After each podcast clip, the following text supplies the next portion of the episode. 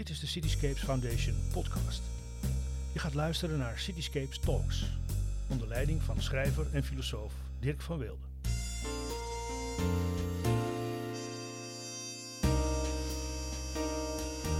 We zitten hier in de expositieruimte van de Cityscapes Foundation. En ik praat met Edwin Zwakman en Frank Havermans. En ik denk dat het het beste is om even van tevoren te zeggen wat mij de beste aanpak lijkt. Dat we ongeveer de eerste helft praten over vanuit de werken en vanuit jullie eigen uh, onderzoek. En dat we daarna gewoon gezamenlijk wat uh, uh, gedachten delen over de context waarin dit, dit werk eigenlijk zeg maar, een bijdrage, de context waaraan dit werk een bijdrage zou kunnen zijn. De wat grotere maatschappelijke dingen.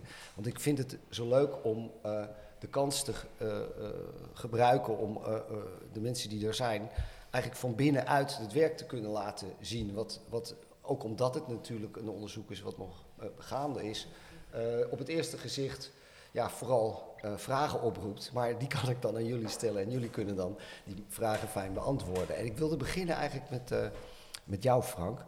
Um, ik denk dat het heel goed is om, als we dit zo zien, tegen die muur, die, die, die, die, wat zijn het, de schaduwen van, van denkbeeldige uh, uh, steden, uh, tussen lijnen die gespannen zijn, dat je goed eventjes uitlegt, ik begrijp, jij, jij deelt je werk eigenlijk in twee types in, waarvan dit er eentje is. dus om de status van het werk binnen jouw oeuvre te goed te begrijpen, je maakt lichamen, zeg maar, kapkars. En je maakt dit. En dit zijn zeg maar, speculatieve ontwerpen voor stedelijke omgevingen, toefoods. Kun je daar wat over vertellen? Uh, ja, dus, dus in de grotere context maak ik, uh, of ik ben, ik ben kunstenaar-ontwerper. Mijn, mijn, mijn werkveld is architectuur. En ja. uh, van de kleinste schaal van meubels tot grootstedenbouwkundig denken. En uh, binnen, die, uh, binnen dat spectrum heb ik eigenlijk twee takken in mijn, in mijn ja, kunstbedrijf. Twee loketten. Zoals dat heet. Dat is uh, Kapkar en Tofood. En Kapkar zijn meer de concrete ontwerpen. dat zijn echt ja, architectonische constructies. al dan niet een opdracht in galeries of, of in een openbare ruimte. Maar het zijn eigenlijk altijd wel ja, echt architectonische constructies. Um, en de toefoods is, zijn meer de, de abstractere en de conceptuele, is meer de abstractere en de conceptuele wereld. Ja. En uh, dat heet tofood, dat heb ik ooit een keer opgestart omdat ik uh, uh, het moeilijk vond om na te denken over het grote geheel als ik concreet met ontwerpopgaves bezig was. Ja. Ik dan moet je eigenlijk doorknippen, want je hebt niks aan zwaartekracht en, en, en financiën en dat soort dingen als je zeg maar een stap verder wil. Dus dat heb ik echt bewust doorgeknipt. De tofu, dat betekent eigenlijk een afkorting van Temporary Office for Urban Development. Het is een kantoor wat ik opricht op het moment dat er zich een concrete situatie voordoet die, uh, ja, die, die daarvoor geschikt is. En uh, nou, het onderzoek op het marineterrein waar Bastiaan me voor uitgenodigd had, dacht ik dat is weer typisch een tofu-project. Dat marineterrein is een beetje de sleutel tot wat we hier zien. Hè? Dat, dat is ook daar uh, te zien. Daar zien we een platte grond in lijnen, in dikke lijnen van het marineterrein. Kun, kun je vertellen wat het verband is tussen die, dat silhouet van het marineterrein en, en de ja, drijvende steden die we hier zien? Uh, de plattegrond is een, uh, is een plattegrond van Kattenburg. Niet iedereen kan hem nu zien, maar het kleine vierkantje is eigenlijk het Scheepsvaartmuseum. En dit, maar dit hele, dit hele uh, ja, dat loopt eigenlijk al twintig jaar of zo, of nog ja. langer. Hè. Ik ben, ben, op een gegeven moment op het platteland gaan wonen. En vanaf daar zag ik dat de stad steeds verder oprukte naar mij. Mm -hmm. En dat vond ik een interessante thematiek waar ik iets mee moest.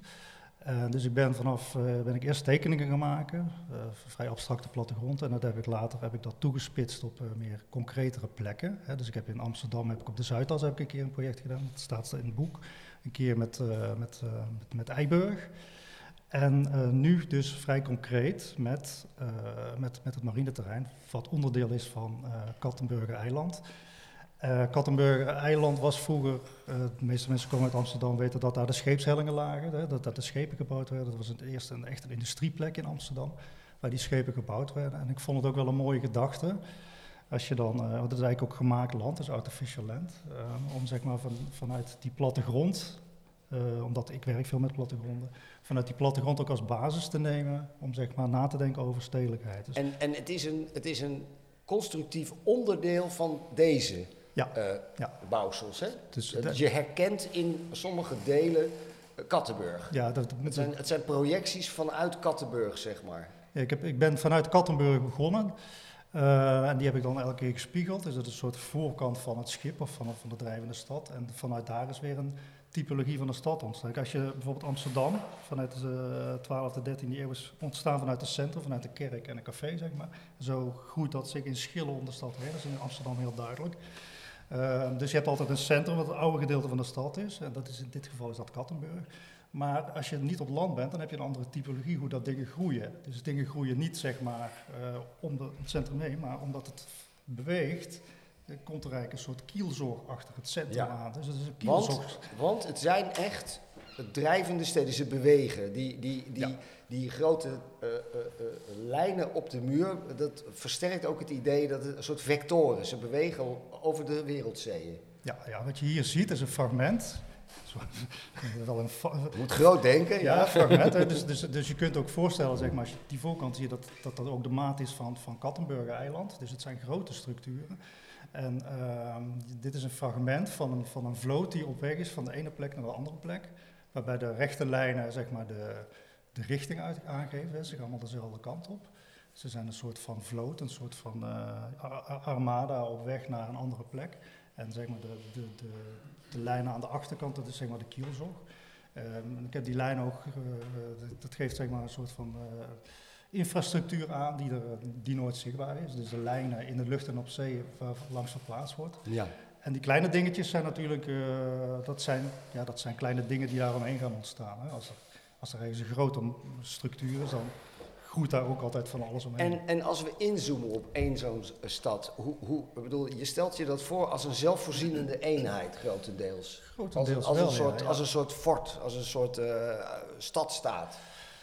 Stadstaat, ja, ik, ik stelde me voor van oké, eh, Amsterdam, dat zijn eigenlijk een aantal dingen die samenkomen in zo'n eh, in zo'n ding. Het zijn, het zijn ook hy- hybride, eh, niet dat hybride vormen, maar ook in, in concept zijn het hybride vormen.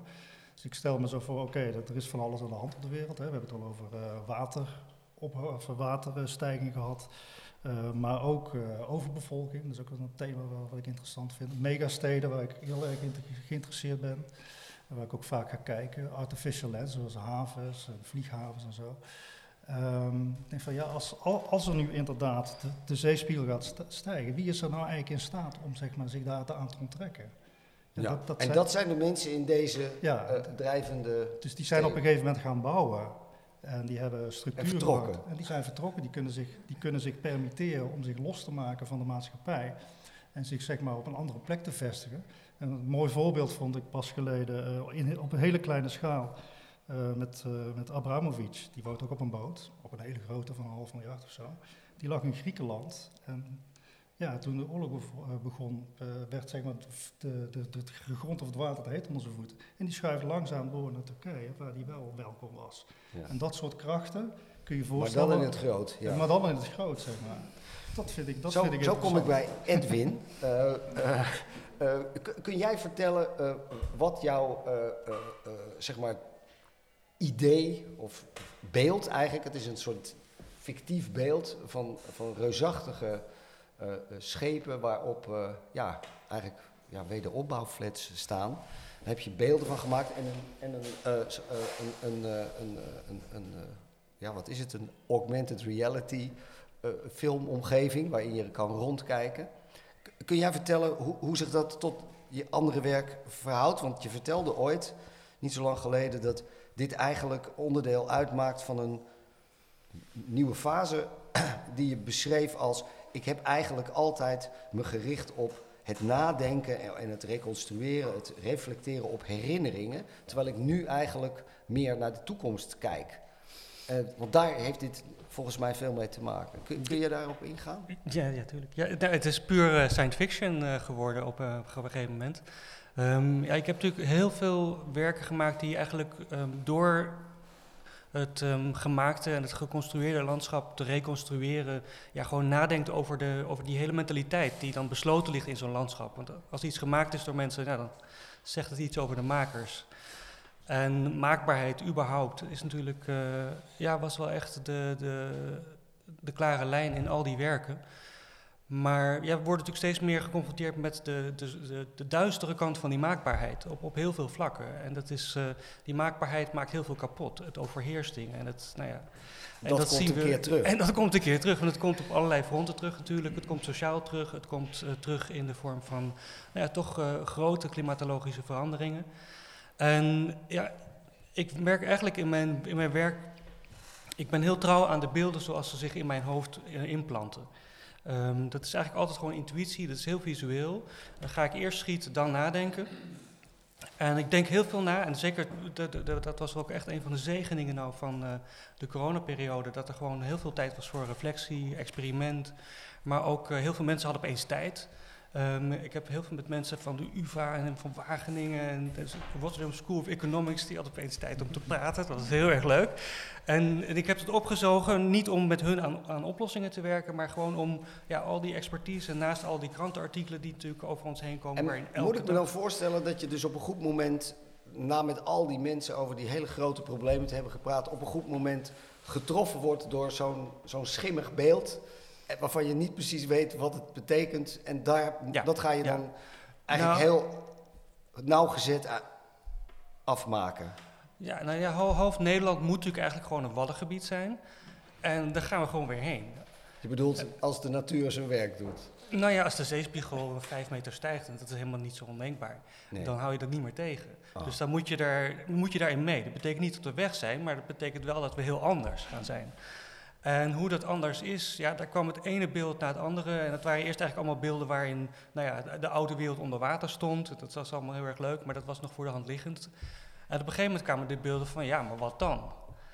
En, um, en in mijn hoofd ontspande zich eigenlijk een soort scenario. Ik, ik, heb zelfs een filmscenario geschreven. Het is heel slecht, maar wel 90 pagina's. En het is uh, een soort kinderfilm. Heel, ja, nou, Misschien wordt het nog eens wat. Maar, um, dat is, het, dat het, leuke van het, het, leuke van het scenario is dat je dan een. Nou, je krijgt een premisse. Je krijgt een premisse. Ja. En die premisse was van nou, het is opeens toch veel, veel sneller geweest. Hè? Die, die accumulatie van verschillende factoren waar het ook heel vaak over gaat. Die je niet um, kunt voorspellen. Waarin het allemaal opeens op elkaar in begint te werken. En je een, een, een, een soort breaking point krijgt. Waardoor nou, het land te heet wordt. Maar dat zie je nu al. Het is gewoon heel veel gebieden in de wereld. Uh, kan het menselijk lichaam niet meer afkoelen. Dan kan je dus buiten niet zijn. En daar is ook geen water meer. Nou, dat, dat, weten we allemaal. We weten alles al sinds de Club van Rome op zijn minst. Dus we, weten alles al heel lang, maar we beseffen het toch niet. Dat merk je nu ook met, ja, met, met zo nu die uh, decolonisatie. Ik, ik, was met mijn uh, studenten bij de Gouden Koets. En nou, natuurlijk helemaal die hele zwarte kant met alleen maar slavernijtaferelen. Dat je denkt van wow. Maar het was wel grappig, want ik, ik hoorde dus daar dat diezelfde gouden koets in de Grote Kerk over tien jaar geleden stond. Dan had niemand het daarover. Dus wat gebeurt er? Wij kunnen alle dingen alleen maar begrijpen als verhaal. En waarom komt dat verhaal maar de hele tijd niet binnen? Ik bedoel, we zijn al 70 jaar jou, klaar. Zie jij jouw werk als uh, zeg maar zo dwingende beelden dat die, dat die dat verhaal wel kunnen kantelen of niet? Nou ja, dat moet jij dan natuurlijk zeggen dat het zo kunt. Maar dat is wel. Nou ja, dat is, dat is, nou, als, als kunst een functie heeft, als kunst een functie heeft, is het voor mij om dat besef dichterbij te brengen. Ja. Dus hoe kan je mensen meenemen met een verhaal? En dit, kijk, wat er precies gaat gebeuren, weet niemand. En dat scenario is natuurlijk bullshit. Maar, maar of niet, meestal zijn de meest idiote science fiction films zijn degene die. Nou, die, dat, dat klopt dan. Hitchhiker's Side Through the Galaxy maar is eigenlijk best wel. Dat is wel interessant eh, de status van wat wij zien, hè, die, die, die, die drijvende uh, uh, zeg maar stukkenstad. Want het, je, je, stelt het je voor dat die niet de, de, de, de, wijde wereldzeeën bevaren, maar eigenlijk in de buurt van het land liggen. In de, in de, in de binnenzeeën, de lagunes die, waar Nederland in veranderd is.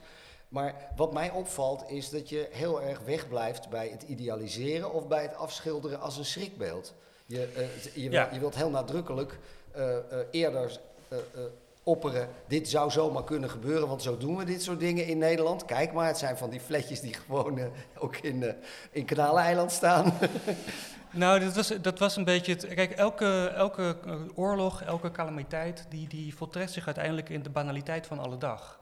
een van de allermooiste oorlogsfoto's is van Lee Miller. Er zitten twee vrouwen in Duitsland, in Düsseldorf, tussen de ruïnes van een compleet kapot gebombardeerde stad. Ze roken een sigaretje. En als je die foto vergelijkt met al die foto's waarop het moment suprem staat, met die day van Capra en weet ik wat allemaal, of de vlag op de Rijksdag en zo. Die foto, die is, die is compleet tijdloos. En dat is de oorlog. Sigaretje roken in de puinhoop. En ik wilde dus in dat werk, ik wilde geen dystopie, ik wilde geen utopie, want ik, ja, ik bouw geen utopieën. Uh, die, die installatie die dus nu, ja, die is er wel, maar je ziet hem niet. Nee, nee. Um, is alleen maar het uitzicht vanuit één raam van zo'n drijvende sociale woningbouwproject, waar je uit je raam kijkt en, en je ziet wat je ziet. En that's it. Dus het is de, het is de banaliteit van alle dag, waar, en waar, waarmee ik probeer ja, je te brengen naar dat beeld van, oké, zo kan het er dus uitzien, of dat nou leuk is of niet. Dat doet er eigenlijk niet toe. Maar dit zou het kunnen zijn. En welke kant gaat het onderzoek op? Want uh, zo, zoals Frank, uh, laten we zeggen, steeds verder kan gaan in het bedenken van de relaties tussen die dingen. Wat is zo'n vloot? Uh, wat zijn de eigenschappen die we daar aan toe kunnen kennen? Wat zijn de eventuele verschillen? Zo kan jij ook denken over, oké, dit, is een, dit is een realistisch spiegelbeeld. Hè, van wat wij onszelf moeten voorhouden van dit is waar we naartoe zouden kunnen gaan. Hoe, wat is dan een volgende stap? Ja, nou, dat scenario is gewoon heel rijk. Ik ging zelf natuurlijk doorkijken. Ik had die schepen gebouwd en hoe kom je naar het volgende schip. Dus ik ben die stad helemaal in mijn hoofd. Dat wordt steeds groter. Um, ik ben dat analoog met hele grote maquettes ook van 3,5 meter lange schepen en zo aan het bouwen. En dat, daar ga ik nou ook mee door. Want dat analoge geeft toch veel meer uh, zo'n. Uh, ja, dat heeft veel meer. dan neem je echt mee naar een moment. Die, die, die, dit is heel erg leuk, maar het is ja, het is niet op dezelfde manier, je trekt je niet naar binnen als een, als een analoog Het heeft een andere relatie tot de tijd misschien, waardoor wat jij graag wil, is dat het namelijk in de buurt komt van een verhaal wat mensen zich kunnen voorstellen als een geleefde situatie. Dat is verder weg. Nou, door die eindeloosheid van die tijd die er in die digitale omgeving zit. Het viel mij dus op dat, dat het voor mij precies hetzelfde is of ik nou het verleden of de toekomst nabouw. Het is een soort forward memory. En die... Um, die intimiteit die ik voel als ik naar, naar die beelden in mijn hoofd luister, uh, die werkt naar beide kanten toe heel erg hetzelfde. En ik hoop dat dat de, nou ja, de, de onderscheidende kwaliteit gaat worden bij het volgende project. Ja, ja, ja. Hey, um, ik, ik, denk dat het goed is om het nu wat breder te trekken en gewoon ook met, met elkaar in gesprek te gaan. Wat me bij jullie allebei opvalt, is dat zeg maar, de functie van, van wat jullie feitelijk maken binnen dat project in ontwikkeling, uh, in die zin op elkaar lijkt dat jullie allebei het woord verhaal gebruiken als een soort gewenst effect bij de toeschouwer. Dus dat je als het ware deelgenoot bent van een verhaal wat zou kunnen gebeuren. Als, is een soort scenario waar, waar, je, waar je mensen toe verleidt om, te volgen. Uh, uh, ze zijn van een andere schaal, van een andere sfeer. Maar allebei jullie beeldenproductie lijken dus zeg maar, het over te halen tot het je voorstellen van een verhaal. Jullie vertellen niet het verhaal, jij houdt het scenario van die film voor jezelf, maar um, je, je brengt ons wel in een denkbeeldige gefilmde omgeving. Dat, is, dat vind ik een interessante manier om over losse beelden te denken, vooral als je het over de stad hebt. Snap je wat ik bedoel? Omdat dat natuurlijk een publiek iets is. Heeft dat er iets mee te maken? Dat, dat het feit dat het eigenlijk over de, onze stad is, waar je uitspraken over doet of beelden over maakt? Dat, het, dat, dat je mensen via een verhaal daarbij betrekt? Nou ja, wij snappen dingen alleen maar als ze een verhaal zijn. Hè. Het is, en, en, en, maar we weten heel vaak niet dat het een verhaal is. We denken heel vaak dat het non-fictie is. Maar alles wat non-fictie is, is, is dus een leugen. En het enige wat waarheid is, is iets wat begint met er was eens. Want dan weet je, uh, dit is een uh, projectie, dit is een verhaal over. En die relativering, die is, die is uh, nee, maar die is ook gewoon heel erg belangrijk omdat het... Uh, Denk jij daar ook zo over, Frank? Dat alle non-fictie een sprookje is? Volgens mij ben jij meer een man van de... Ik kan dingen ook wel heel concreet maken. Dus, uh, maar ja, um, ik denk... Mm, non-fictie, ja, dat, nee, dat vind ik een moeilijk. Nee, ik bedoel... Maar, ja. Allebei jullie uh, projecten beginnen uit onderzoek. Je praat met mensen die weten hoe het zit en die, uh, uh, laten we zeggen, niet met een natte vinger, maar op basis van kennis en, en, en ervaring en, laten we zeggen, met, goede redenen gemaakte eh, en gebaseerd op feiten gemaakte prognoses over die toekomst denken. En jullie stappen daarin en gaan de, de consequenties daarvan verbeelden. Letterlijk beelden maken die daarbij zouden kunnen horen. Eh, ergens wordt het verbeelding, maar je hebt dus wel een, een, een relatie tot die. Je voelt je verplicht om, om je te verhouden tot die feiten die wij delen met z'n allen. Want anders zou, zou dit een loos gebaar zijn. Maar, mag, ik deze nemen? Want is de, de, de, de augmented reality is helemaal gemaakt met Real Science eh, programma om de, de, de, zeg maar de, het bewegen van de schepen op de deining van de golven zoals ze daar zijn weer te geven, accuraat en je het kan berekenen ehm, eh, weer te geven. Dat is eh, de, de, degene die de, de Active Heave Balance systeem gemaakt heeft voor de Pioneering Spirit. Zo'n eh, twin hull hijschip waarmee je hele grote eh hij- booreilanden kan optillen. Ja. Die moeten ze op de millimeter eh, precies eh, rechtop kunnen houden. Nou, die, dat is die software, die houdt deze dingen dus ook in elkaar. Dus het is, het is ook weer een beetje koketterie om te zeggen. Ik probeer het wel eigenlijk heel erg realistisch te maken. Maar ja, eh, het- Nee, maar het- het- dat, dat is een beetje het nerdige antwoord. ja, oké. het, het, eh, eh, waar ik benieuwder naar ben, is... jij maakt, zeg maar, imaginaire stedelijke omgevingen. Maar ze zijn, ze zijn projecties op basis van wat er nu echt aan het gebeuren is. En wat, wat dan, naar jullie beide overtuiging, ook echt aan de orde is. zou kunnen gebeuren. Hè? Dus het is, het is in die zin een, een, een het, is, het is geen vaststaand scenario, het is een, het is een gedachte-experiment. Maar het is een mogelijk Het is een scenario. mogelijke en, en ik denk ook wel. Kijk, we, waar ik altijd, wat ik interessant vind, dat is ook een soort van bijna, bijna verhaal. ehm, als je wat 100 of 200 jaar terug gaat in de stad, en eh, ja, misschien hebben mensen hier eh, voorouders in Amsterdam, en je moest die uitleggen hoe die stad er vandaag de dag uit zou zien met alle techniek en de gebouwen. Hier zullen, ze- hier zullen ze nog veel herkennen, maar aan de buitenkant van de stad helemaal niets meer. Nou ja, dat zou, dat, dan zou je eigenlijk gewoon eh, opgehangen worden vanuit. Hè, dat, is, dat is Je te, bedoelt, dat is te on- ver weg. is onvoorstelbaar. Ondenkbaar, Ja. onvoorstelbaar.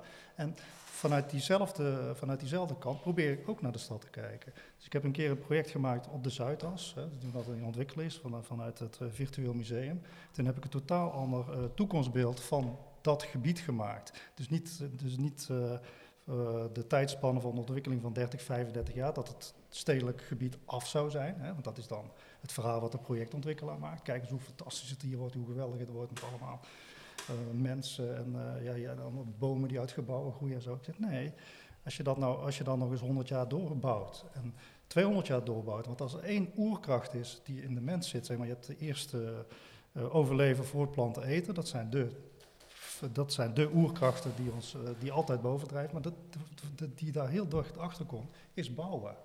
En dat bouwen, nou, dat is echt waar. En dat doen we dus al tienduizenden jaren met steeds meer mensen. Iedereen is iets aan het bouwen, constant. En dat maakt ontzettende vreemde constructies die wij hebben. We smeren zeg maar eh, miljoenen kubieke tons eh, eh, smeren we aan beton uit over de wereld. We, maken, we duwen de natuur naar buiten. En we, we, we bouwen omgevingen voor, voor onszelf.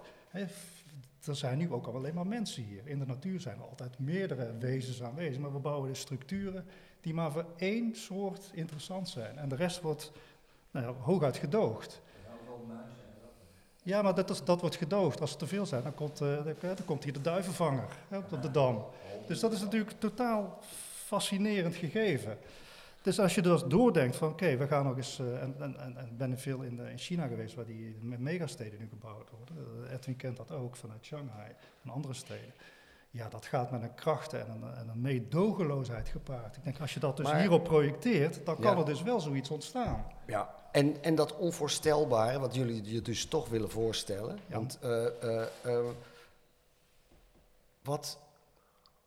Ik bedoel, jullie onthouden je zeg maar publiekelijk heel duidelijk allebei van een soort oordeel van dat is goed of slecht. Wat, wat dat, dat beeld wat bij mij naar boven komt. Het is, een, het is zowel een intuïtieve als een op feiten gebaseerde, denkbeeldige stedelijke omgeving. Maar als je. bedoel, jij hebt een, een scenario geschreven van hoe het zou zijn om daarin te leven. En jij zal je daar ook wel eens iets van voorstellen van hoe het daar is om te leven. Eh, eh, dat, dat laat jij geen deel uitmaken van het werk, omdat je eigenlijk, zeg maar, eh, zoals jij dat beleeft, is gelijkwaardig aan hoe de mensen die het bekijken het beleven. Maar dan mag ik je als toeschouwer van je eigen werk misschien vragen, hoe, hoe denk je dat dat voelt? Ehm, ja, Zeg, dat- Vind je het spannend? Om, zou je het denk ik leuk vinden om daar te leven? Ja, of of zou- vind je dat ook, kijk je daar met schrik en beven naar? Kijk, wij hadden van de week een interview met, eh, met, hoe heet hij, nou, met eh, Kees Keijer. En eh, nou, Kees liep ook zo rond van, ja, maar ja, bedoel, hier zou je uitzicht maar zijn en je zou hier maar wonen. Ik zeg, maar ja, Kees, je denkt eigenlijk gewoon verkeerd. Want in de toekomst, en dat is nu al gaande, komen we, er zijn nu al steden waar mensen, bijvoorbeeld in Hongkong, die gaan s ochtends vanuit een appartement de metro in, via een luchtbrug. Doen daar hun boodschappen in een mall, gaan naar hun werk in die mall. En s'avonds gaan ze weer terug, dus ze komen de hele dag niet buiten. En dat is dus ook een omgeving. eh, ja, ik, het is niet mijn omgeving, maar die, die typologie van die stedelijkheid is op dat soort plekken totaal aan het veranderen. En eh, nou, nu heb je dus al een generatie die alleen maar op een scherm, eh, scherm leeft, zeg maar. Dus die behoefte om naar buiten te gaan, om een park buiten te hebben, dat gaat langzaam. Maar is het niet veranderen. een- is zou het niet- zomaar kunnen. Maar is het, is het niet ook zo dat, er, dat, dat je kan voorstellen dat er catastrofes plaatsvinden in de vorm van, hè, want ik wil niet zeggen dat het goed is, dat kun je ook als een catastrofe zien, eh, als een beweging die zich daar radicaal van afkeert met alle rampzalige gevolgen Ja. van die, die gewoon zeggen zo willen wij niet leven. Ja, maar wij, wij zijn de catastrofe. Ja, ja, maar er zijn, mensen, er zijn dus ook mensen die over 100 jaar zeggen genoeg is genoeg en we willen dit niet meer en we keren. En die gaan dus desnoods voor een groot deel ten onder, maar die gaan dus iets anders doen dan wat de technologie zo lijkt op te leggen te doen en de economie. Mhm. Snap je? De, de, er zijn ook tegenbewegingen, ook in de geschiedenis bekend, van mensen die, die zeiden daar, daar willen wij niet aan meedoen. Ja, Nou, zitten we middenin. Eh, het is, wat dat betreft eh, is elke vorm van speculatie over de toekomst nu ook... eh, ja, ehm, dat is altijd per definitie alleen maar een extrapolatie van, van, de, van de angsten en verlangens van het nu. In elk, in elk scenario. Maar volgens mij gaan er nog heel veel spannende dingen gebeuren de komende decennia... die echt eh, eh, ook niet meer onze manier van de wereld inrichten eh, tolereren. Dat heb ik wel zeker. Ja, de wal is de schip aan het keren op het moment. En het is wel interessant om daarover na te denken van, oké, als dit zo doorgaat, dan wordt het misschien inderdaad wel zo. Dus het verhaal zit niet zozeer in het verhaal wat ik erin stop, maar wat de kijker daar verder Ja, zelf in kan in het stoppen. nu eigenlijk. Dat geldt eigenlijk voor Edwin Ja. ook. Hè. Ik bedoel, jij projecteert er een gedachte op die, die, die een andere gedachte is dan die iemand anders heeft. Dus misschien iemand anders denkt misschien wel, oh, sociale woningbouw, fijn, ik heb een plek om te wonen, tv en een scherm. En meer het zou een oplossing kunnen zijn. Ja. Ja. Dus, eh,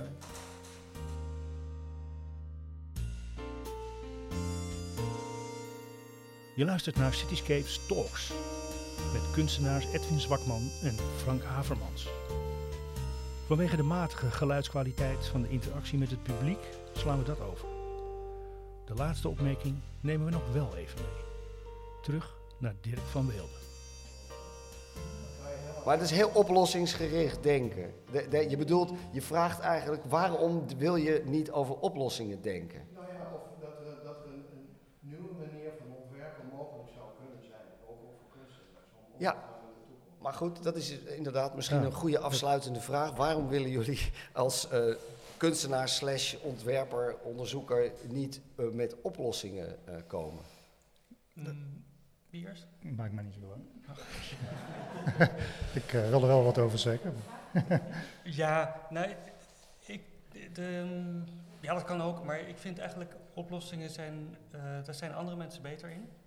Ehm, en ik vind deel zijn van het bewustwordingsproces is ook deel van de oplossing. Het is deel van het intuïtieve proces wat aan alle, aan alle oplossingen voor, voor, vooruit gaat. En we zijn nog lang niet, en dat is idioot, maar we zijn nog lang niet als maatschappij bij het, bij het punt waar we echt genoeg snappen wat er gebeurt. Dus alles wat duidelijk gemaakt, en daarom is het ook best goed dat het misschien niet echt ehm, toch een beetje dystopisch is. Maar ik bedoel, als ik echt dystopisch, dat, ja, dat is ook weer zo'n wijzend vingertje, daar heb je niet zoveel aan. Ehm, maar dit wil je natuurlijk niet. Maar, het gaat maar ik ben trouwens heilig van overtuigd dat het wel gaat gebeuren en dat we daar gewoon in mee moeten gaan denken. En, maar eigenlijk is, is dat voorbeeld van, de, van, de, van die zwam, dat is eigenlijk precies hetzelfde. Het is aanpassing. We, zijn gewoon, we gaan ons aanpassen en het wordt gewoon, ehm, het wordt gewoon anders. Ja. En het Je moet, je moet en dus zeg maar 90% over... over van de bevolking woont op plekken die over 100 jaar onder water staan. ja, je zou Dus moeten... dit je- gaat gewoon gebeuren. Je, je zou het kunnen zeggen dat het denken over wat is een oplossing, daar moet je anders over denken. Omdat als mensen gevraagd wordt naar een oplossing, bedenken ze heel vaak weer zo'n technologische, eh, eigenlijk meer onheil oproepende eh, eh, eh, eh, eh, Ja. ingreep. ja, terwijl nou, als je een anders valse denkt- dichotomie. Als je anders denkt over wat een oplossing zou kunnen zijn, dan ben je misschien ook dichter bij hoe jullie te werk gaan. Het is een valse dichotomie, want de oplossing heeft natuurlijk een, een, een heel traject waarin, waarin dit een, een bijdrage is, maar niet de oplossing. Ja, in, dit werk, ik, ik, ik ben ook ontwerper, dus ik kan ook wel in oplossingsgericht denken, zeg maar. En zeg maar die, oplos, eh, die dingen waar jij het over hebt, ben ik ook helemaal mee eens dat dat moet gebeuren. Dat gaat ook gebeuren, dat, dat is ook al lang aan de gang. Maar in dit, eh, in dit werk gaat het er juist over, als er geen oplossing is, wat gebeurt er dan? Als we het niet ik- redden. Als we het niet redden. ja. En, wat, gaat- en wat, wat voor scenario's zouden zou er zich dan kunnen ontwikkelen? En dan zie ik wel gebeuren dat. Hè, je hebt bijvoorbeeld eh, zo'n Jeff Bez- Bezos. Die, eh, er zijn een paar, paar rijke mensen die willen naar de ruimte. Die willen daar eh, ruimtesteden gaan, gaan eh, ontwikkelen. Nou ja, dat is niet voor de, voor de, voor de kleine man, zeg maar. Dus daar, daar komen wij niet in terecht. Nee, maar dat geldt Maar- ook voor die maar- drijvende steden Ja, die dan- ze nu in- op de Malediven en in, in. Zuid-Korea, Busan aan het bouwen zijn. En dat geldt ook ziet niet- heel idyllisch uit, maar dat, de, de, de, de gewone arbeider Nee, in Busan dat- gaat daar niet wonen. Maar het, het kan wel zo zijn dat er op een gegeven moment de chaos zo groot wordt op de wereld. Dat kan zomaar gebeuren. Dat, dat zich grote groepen daarvan los gaan rukken. En andere, op, an- op andere manieren zich op de aarde gaan bewegen. En, ik, en daar zit ik eigenlijk precies tussenin. Tussen het totaal onmogelijke nog wat in de ruimte zich zou kunnen gaan afspelen. eh, In het orbit Mhm. van de aarde. Ik denk van nou, dan is- komt er eerst nog een tussenstap. En, dat is, dat is dus- en daar is nog ruimte. Dat vond Ja. ik interessant om erover na te Het is een gedachte-experiment in die zin. Het is geen oplossing. Zitten dan in ieder geval all species moeten daarbij getrokken worden, niet alleen... We gaan, we gaan, we gaan, zijn, we gaan ja. nu, zo voel ik het tenminste, vloeiend over in de vrije conversatie aan de bar. Ja, Eh, prima. eh, laten we er een eind aan draaien. Heel erg bedankt, jullie allebei. Graag gedaan. Ja. En eh, ik hoop dat jullie... eh,